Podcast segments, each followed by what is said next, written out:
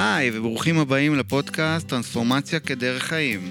בפודקאסט נדבר על איך טרנספורמציה שהיא שינוי פנימי תשפיע על החיים שלנו, ומה הסיבה שאנשים משנים עבודה, זוגיות, בית, ארץ עיר ועדיין מרגישים את אותם רגשות.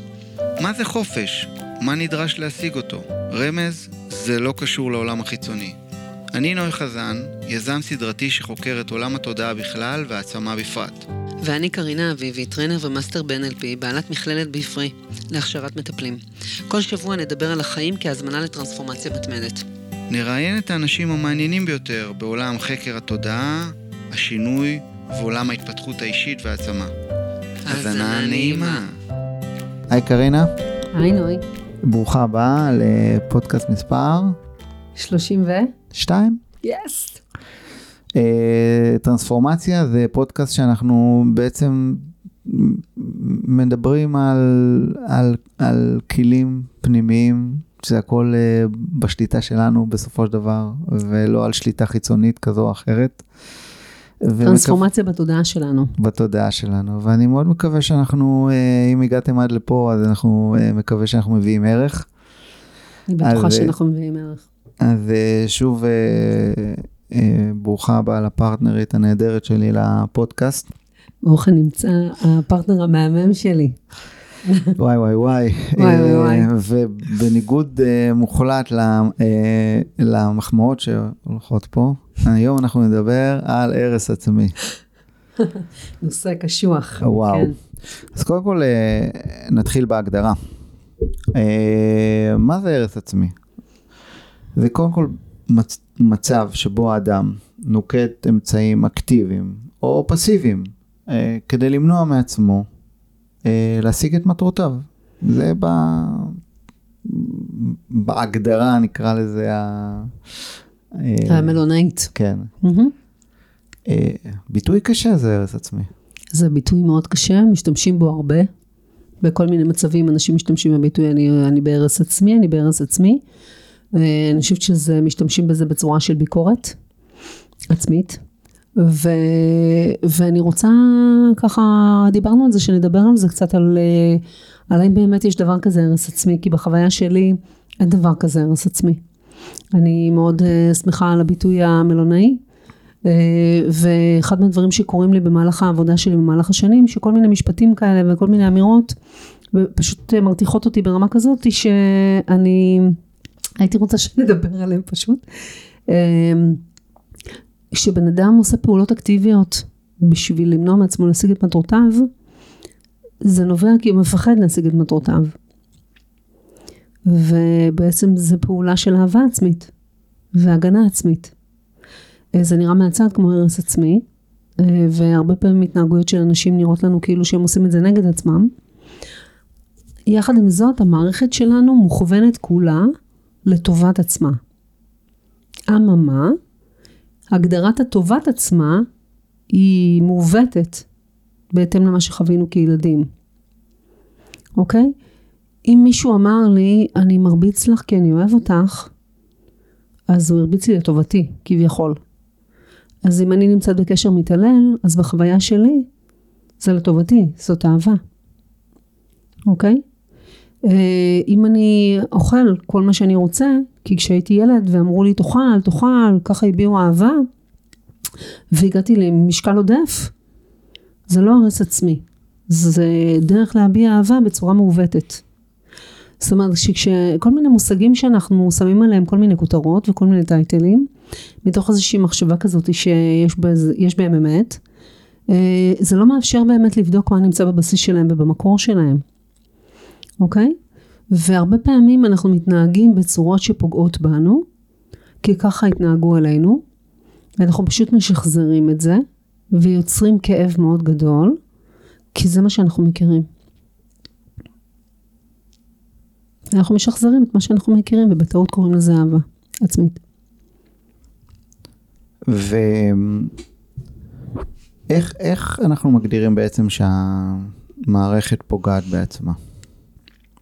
קודם כל, הרבה פעמים אנשים מהצד מגדירים את זה ככה, זאת אומרת, כן. יש לנו איזה שהם סטנדרטים, כן. דברים צריכים להיות, והם אה, בדרך כלל סטנדרטים חברתיים, ואנחנו מאמצים אותם, כי זה מה שאנחנו מכירים. אבל אתה יודע, אנחנו לא מכירים משהו אחר חוץ מאשר מה שקורה חברתית.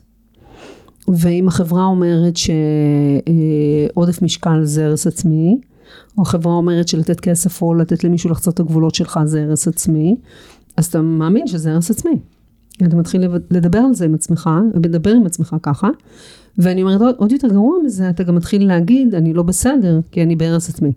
זאת אומרת, לא מספיק, לא מספיק, אה, יש שם איזה שהן התנהגויות שהן אה, מעוותות, מעוותות אישית, כן? חברתית וחברתית. השיחה הפנימית היא שיחה של אני לא בסדר, כי אני בהרס עצמי.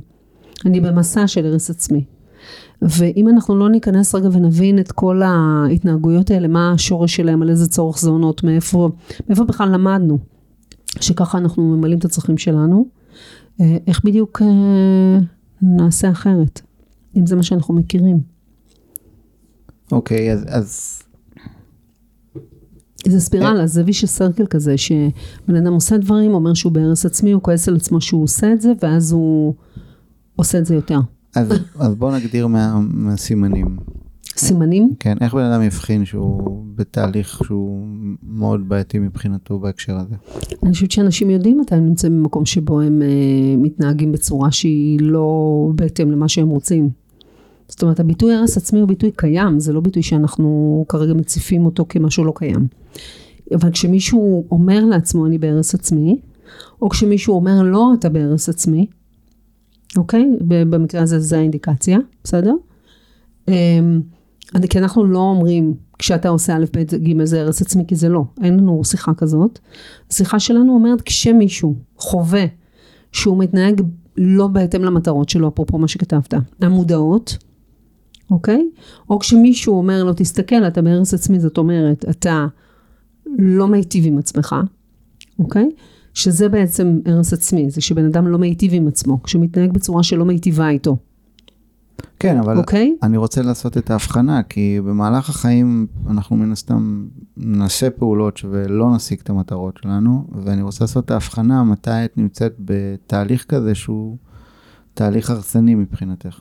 זה בחבלה, בחבלה ב, זה לא כשעושים פעולות ולא משיגים את המטרות, אלא כשאתה עושה פעולות שהן מחבלות במטרות, המודעות. נכון. נכון? כשבן אדם רוצה זוגיות, אבל אז הוא אה, עושה איזושהי פעולה כמו בגידה. בסדר? הוא יוצר איזושהי זוגיות, היא זוגיות טובה, ואז פתאום הוא בוגד. אוקיי? או עושה משהו כדי שהזוגיות הזאת תיגמר. בסדר? למרות שהיא טובה לו. אוקיי? כל הסביבה לא מבינה מה קורה לו, כאילו, איך אתה, איך אתה עוזב כזה דבר, או איך אתה גורם לכזה דבר. אוקיי? אנשים הגדירו את זה כהרס עצמי. כשבן אדם מגדיר שהוא רוצה לרדת במשקל, הוא מגיע ל-120-130 קילו, ואז הוא ממשיך לאכול.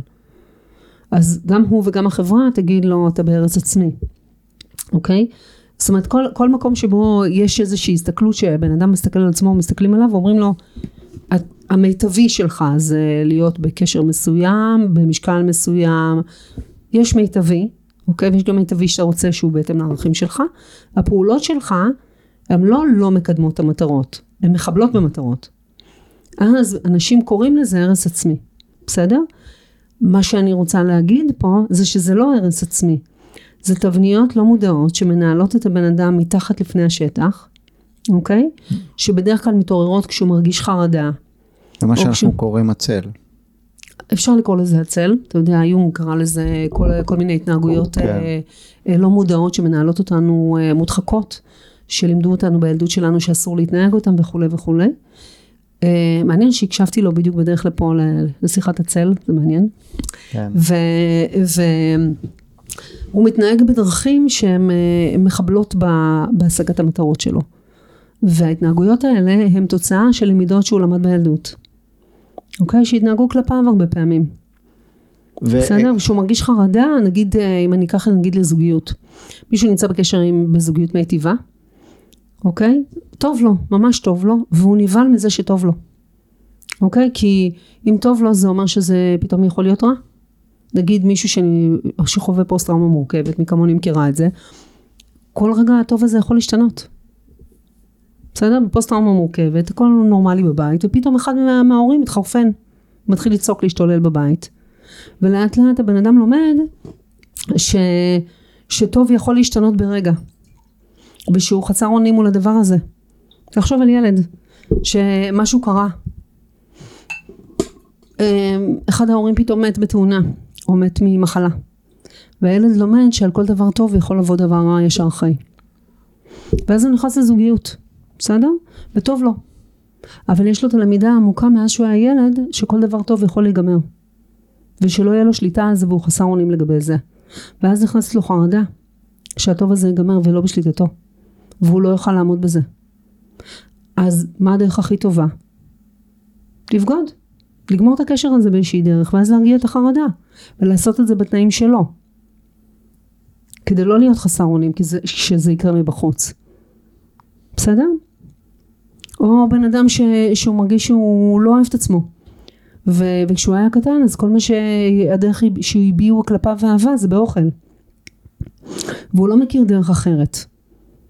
אז הוא נכנס לספירלה של לתת לעצמו אהבה דרך אוכל. מה שיגרום לו להתרחק מאנשים אחרים, לחוות עוד פחות אהבה מבחוץ ולמלא את עצמו באהבה מבפנים דרך אוכל. כי זה מה שהוא מכיר. אנשים מבחוץ יקראו לזה הרס עצמי, גם הוא יקרא לזה הרס עצמי. אבל שורה תחתונה, זה לא הרס עצמי, זה התנהגויות, כל מיני התנהגויות אוטומטיות, ילדיות, אוקיי?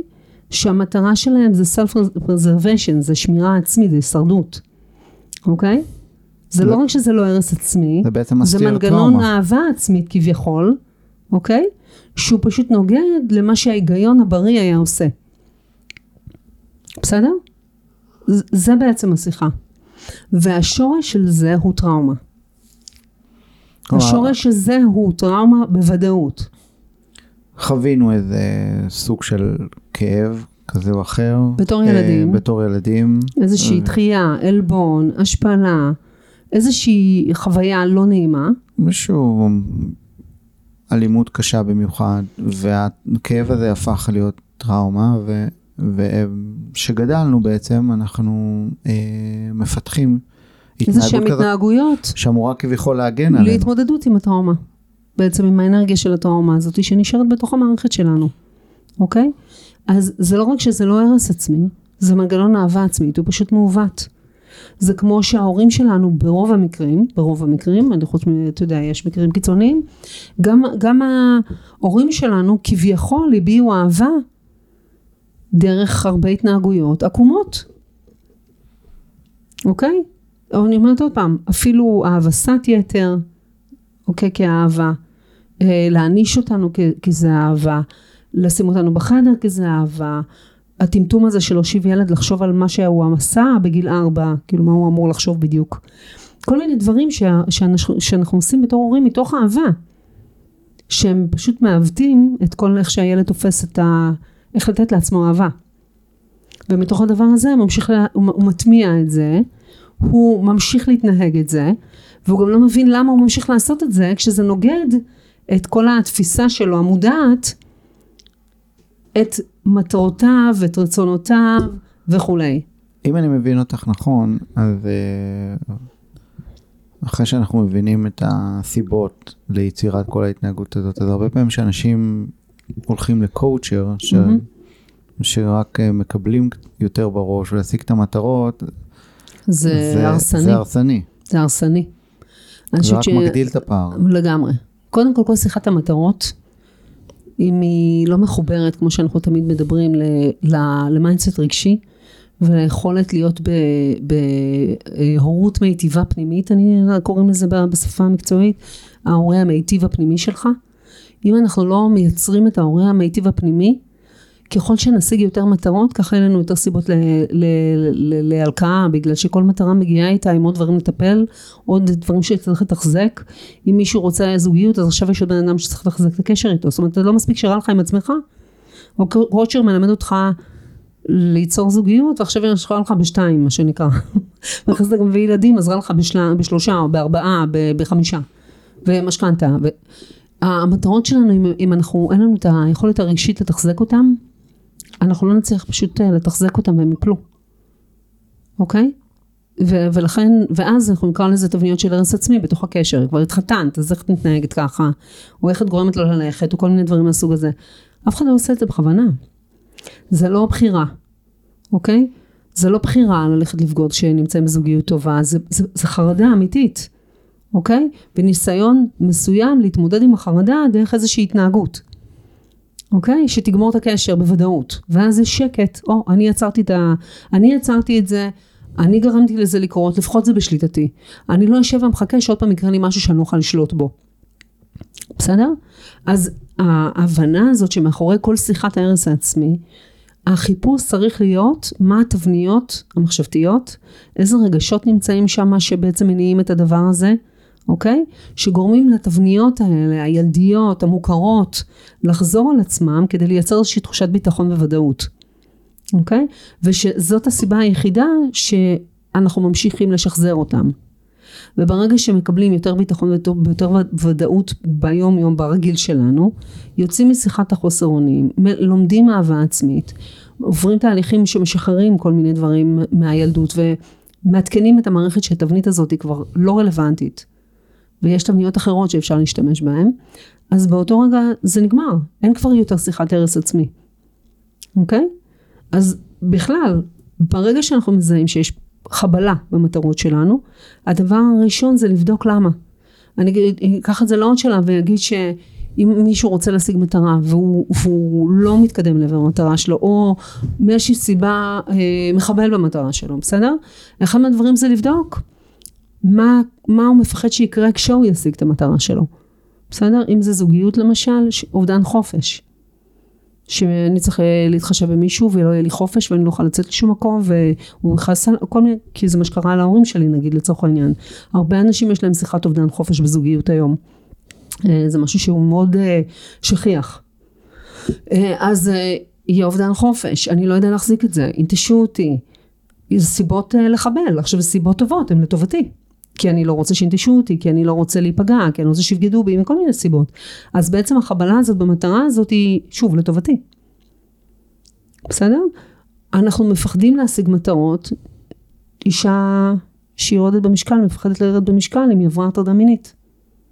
זאת אומרת, כל המשקל הזה זה בכלל הגנה עליה. וכל הסיבה שהיא שומרת עליו זה כדי לא להיראות מינית מדי, כדי שזה לא יקרה לה עוד פעם. אז זה חבלה עצמית שהיא לא מצליחה לרדת במשקל, זה הרס עצמי או שזה הגנה עצמית. זאת אומרת, ההבנה הזאת היא שגם המטרות שלנו לפעמים מחוברות, לא לפעמים, ברוב המקרים מחוברות להשלכות מפחידות. זה דורש להסתכל על כל הנושא של מטרות בצורה קצת יותר עמוקה. למה אנחנו רוצים את מה שאנחנו רוצים, מה אנחנו חוששים שיקרה כשנשיג את מה שאנחנו רוצים, מה הסיבה שאנחנו לא מאפשרים לזה לקרות, אוקיי? כל הדבר הזה מבקש הרבה יותר אה, בדיקה וחקירה מאשר להגיד הרס עצמי. אני עכשיו בהרס עצמי, ואני לא בסדר שאני בהרס עצמי, אז אני כועס על עצמי, ובגלל שאני בהרס עצמי ואני כועס על עצמי, אז אני ארד על, על קופסת עוגיות. אז... דווקא הרס עצמי הופך להיות מנגנון הרס עצמי. בעצם הביטוי הופך להיות מנגנון הרס עצמי. תראי, מכיוון שאנחנו באמת לא מתיימרים פה, לא לתת פה שום פתרונות אינסטנט, בייחוד במקרה הספציפי הזה, שסביר להניח שמחייב טיפול. אה, חייב ברור, נתחיל מבירור. בירור slash זה לא זה התחלה, התחלה זה בירור, בשביל זה אנחנו פה, בשביל להגיד לאנשים, רגע תשאלו את עצמכם את השאלות. אז הייתי באמת מבקש ממך, אה, אולי קודם כל באמת ליצור את ה... אה, למרות שדיברת על זה עד עכשיו, אבל, אבל כן להגדיר מתי אנחנו מבחינים שאנחנו בבעיה כזאת. אז כמו, ש, כמו שדיברנו וכמו שאמרת בהגדרה בהתחלה שהיא הגדרה מאוד uh, מדויקת, שזה כשיש לנו תחושה כזאת שאנחנו איכשהו מחבלים במטרות שלנו, אוקיי? ושאנחנו עושים את זה לעיתים קרובות כת, כתבנית, כפאטרן. אוקיי? שאנחנו מרגישים שאנחנו מחבלים במטרות שלנו לאורך זמן, שאנחנו שמים לב לזה, אז כנראה שיש שם איזשהו מנגנון מחבל שאנחנו צריכים להתחיל לחקור אותו, אוקיי? לא לקרוא לזה הרס עצמי, לא לכעוס על עצמנו, להבין שכנראה המוח שלנו בתהליך ההתפתחות הטבעי שלו בילדות עבר שם איזשהו עיוות, אוקיי? שלא מאפשר לנו להיות מיטיבים כלפי עצמנו. והעיוות הזה ניתן לתיקון, אבל השלב הראשון מחייב בירור. או איך שגבור מטה, שהוא אחד המרצים הכי מדהימים שאני מכירה לטראומה, אוקיי? אומר חקירה חומלת. אוקיי? להיות בחמלה כלפי עצמי, לקחת דף, לקחת עץ, להבין מה קרה לי באותו רגע, מה גרם לי לזה, אוקיי? מה הרגש שמניע את זה. ולהתחיל להתחיל אה, בצורה חומלת, להתנהג על עצמנו כאילו שאנחנו ילדים בני שלוש, לרדת לגובה העיניים, ובאמת לשאול את עצמנו כאילו שאנחנו ילדים קטנים, מה קרה, מה אתה מרגיש? מה אתה צריך? אוקיי? מה קרה לך שזה קרה לך? אוקיי? מה קורה לך שזה מה שקורה לך? או שזה מה שאתה עושה? בסדר? זה מה שגם רומטי מדבר עליו, זה שמה קורה לנו שזה מה שאנחנו, זה מה שקורה לנו. אוקיי? מה קרה לנו שזה מה שגורם לנו לכל מה שקורה לנו. ו- וזה מאוד מאוד חשוב להבין שכשאנחנו פוגשים אנשים, אנחנו פוגשים גם את הילדים הקטנים, וה- הקטנים והפגועים שבהם. אוקיי? וכשאנחנו פוגשים את עצמנו ומסתכלים במראה, מתחת לאדם בוגר יש איזה ילד, אוקיי? שיש לו איזושהי התנהגות שהמטרה העיקרית שלה היא הישרדות. אוקיי? ושהוא בכלל לא מסוגל לעבור לצמיחה או למטרות או לחלומות, כי הוא כרגע מפוחד והתרגל שמתנהגים אליו בצורה מסוימת וממשיך להתרגל לעצמו באותה צורה. ולכן כן, זה מבקש בירור, זה מבקש חקירה חומלת, זה מבקש חמלה, וזה מבקש להבין מה קרה לי שזה קורה לי. איך הוצבתי ככה, מה גרם לזה, והבשורות הטובות שאנחנו מדברים עליהן כל הזמן, שזה ניתן לריפוי, וניתן. להתמרה ולטרנספורמציה. אוקיי? ו... ולכן זה נושא בעיניי מאוד מאוד חשוב, כי משתמשים בביטוי הזה יותר מדי בעיניי, בלי להבין עד הסוף את המשמעויות הנוירולוגיות וה... והמוחיות של... של זה, וברגע שמבינים את זה, זה ההתחלה של השינוי. הייתי, הייתי מאוד רוצה אה, לדבר אולי כמה דקות על איך זה בא לידי ביטוי אצל אה, גברים, מהניסיון שלך. כלומר, כמובן שזה, שכמו שהגדרת עד עכשיו, אז כמובן זה תופס את, את כלל הגברים והנשים, כלומר, אה, ברמת טראומה. Mm-hmm. אבל במה, ממה שאת נתקלת, איך זה, איך זה היה בא לידי ביטוי במקרים שהם, שהם פיור אצל, אצל גברים? אני, קשה לי להגיד פיור אצל גברים, כי אתה יודע, יש את הנושא נגיד של בגידות, mm-hmm. אז בעיניי זה לא פיור אצל גברים, זה איזשהו מיתוס, בעיניי זה, זה, זה שווה בשווה. כן. אז פיור אצל גברים, תראה, אני לא יודעת להגיד לך, אני לא חושבת שיש משהו שהוא באמת פיור אצל גברים, אני חושבת שהדבר שהכי משמעותי בעיניי אצל גברים זה חוסר תקשורת, שהם לא מבטאים את מה שהם רוצים. זה או שהם צועקים את זה, או שהם נעלמים. כאילו זה או fight or flight. זה מתחיל, כאילו... אולי נתחיל מזה ש... כן, כן, אולי אתה תענה על השאלה הזאת יותר טוב ממני, אתה יודע. לא, נתחיל מזה שקודם כל מבחינת הבדלים ואחוזים שאנשים שהולכים לטיפול, אז אה, אצל, גבר, אצל נשים זה יותר מתקרב לאזור 50, אולי 47 אחוז, ואצל גברים זה באזור ה-11 אחוזים. כן. אז, אז קודם כל הימנעות מטיפול. בדיוק. אתה מדבר על הימנעות מטיפול. ואז... שזה מובהק. וברגע שאתה נמנע מטיפול, אז מן הסתם הבעיה רק, רק מחריפה. נכון. ו- ויותר מזה, אתה כן תגיד לעצמך, לא אתה, אבל גבר יגיד לעצמו, אני בהרס עצמי, והוא יכעס על עצמו, וימנע מעצמו אהבה, אוקיי? מאשר יבוא לטיפול. בסדר? ממש ימנע מעצמו אהבה. מאשר אה, אה, יעדיף לחתוך לעצמו את היד, מאשר להגיד למטפל אני צריך עזרה. או להגיד בכלל לבן אדם שהוא צריך עזרה, אפרופו הרס עצמי, אפרופו תבנית, זוג שלו מחבלת, להגיד למישהו שהוא צריך, מישהו שהוא צריך עזרה, מישהו ברחוב, מישהו, להגיד אני צריך עזרה.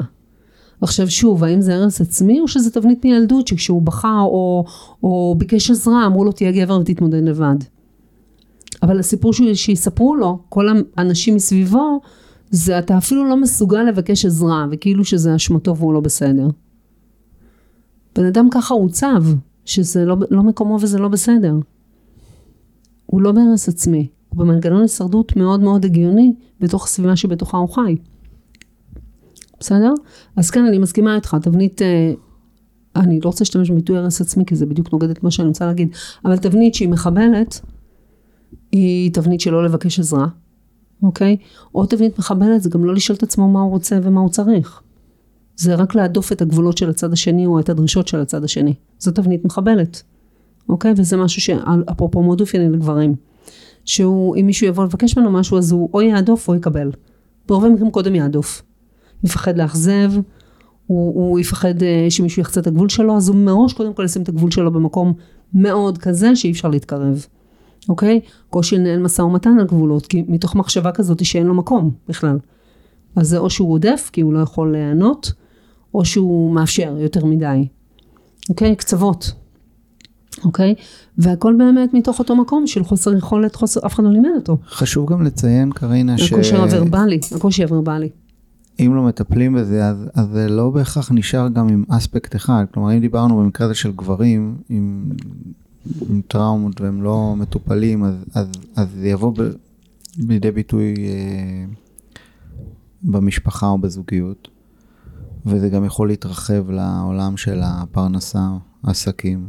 נכון. וזה זה פשוט כסף. מרגיש שכש- שהכל הכל, הכל קורס עליך. הכל קורס.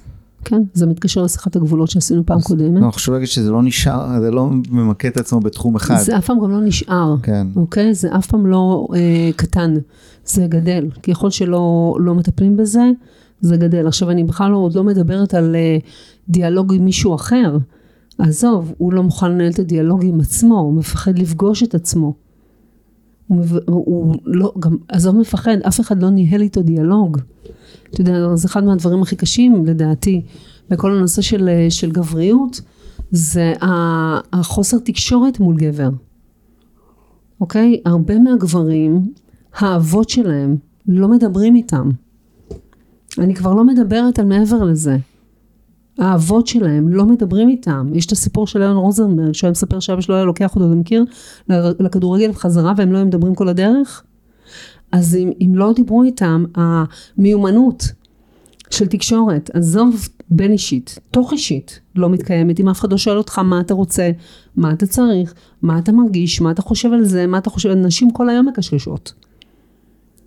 אבל את הגברים אף אחד לא שואלים, זה לא שזה נתיבים שלא קיימים אצלם במוח, הם פשוט לא פותחו. כי נכון, היה פעם עולם שבו זה לא היה נכון לפתח יותר מדי אמפתיה, כי יכולת להפסיד את החבר שלך בקרב, ואז היית נשבר, אז היה עדיף שתדבר פחות, תכיר אותו פחות, וככה תיפגע פחות אם הוא ייפגע. בסדר? אנחנו לא בעולם הזה יותר. לא בעולם הזה יותר. אנחנו בעולם של, של, של רגשות, בעולם של חיבור, בעולם של תקשורת. העולם הזה שבו אנחנו עלולים לאבד אחד את השנייה בשדה הקרב, תודה לאל, אני יודעת שזה לא הזמן הנכון להגיד את זה, אבל בכל זאת הולך ונעלם. אוקיי? ולכן העולם של היום, גם אם עושים קרבות, עושים בסייבר בתקשורת. תקשורת של מחשבים, לא משנה, אבל היא תקשורת מילולית. וגם אם יש קרבות, הם מילוליים, הם לא פיזיים.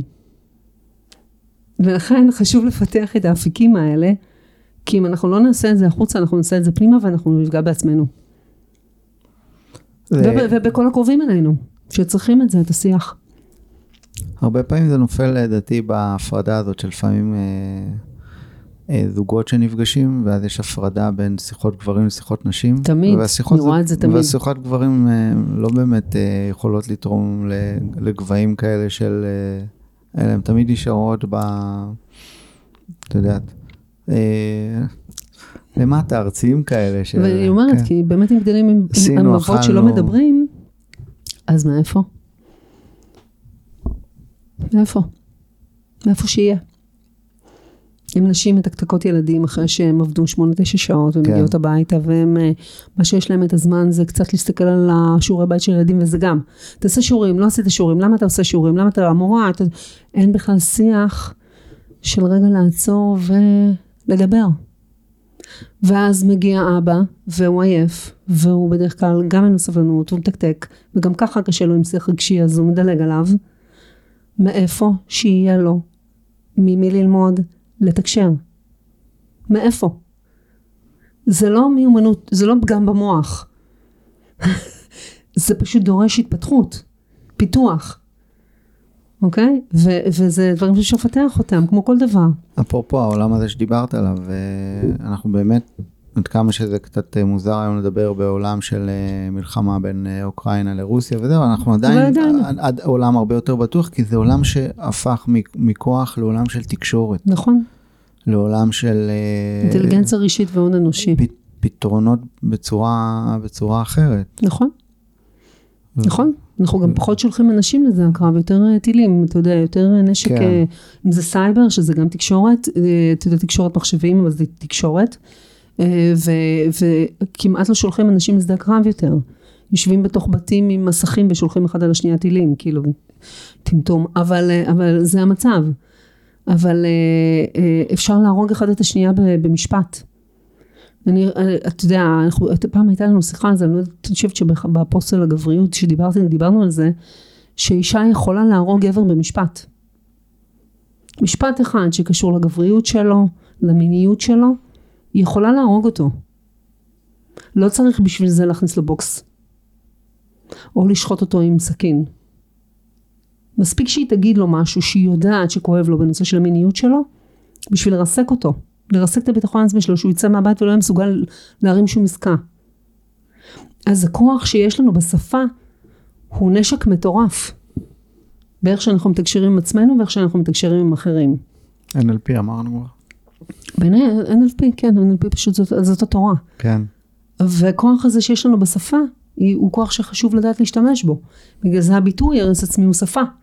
ו, וזו שפה שהיא מקבעת והיא אה, היא אלימה. הביטוי עצמו. ואנחנו עוברים ל... בוא נבין מה התבניות שמנהלות אותנו, שהן הישרדותיות והן נוגדות המטרות שלנו, ובוא נבין, בוא נהיה בחמלה שם. אז אה, אנחנו מזמינים קודם כל את האנשים, קודם כל לא לקבל את זה. דבר שני, לעשות בירור. אה, ואחרי זה אולי בירור קצת יותר מעמיק. יותר מעמיק. ובהחלט אנחנו יוצאים פה אופטימיים, כי זה ניתן לטיפול. נכון. ומשם מגיעה גם צמיחה מאוד גדולה. ממש. בכל הרבדים. נכון, ואפשר אז להגיע למטרות שהן הרבה יותר גבוהות ממה שחשבנו כשיצאנו לדרך. שמה שחשבנו לדרך, יצאנו לדרך, אני זוכרת את זה בקורסי NLP, שכשאני עושה סבב אה, מטרות בתחילת הקורס, אנשים חושבים, וואו, בחיים אני לא אשיג את זה. גם לא בסוף הקורס.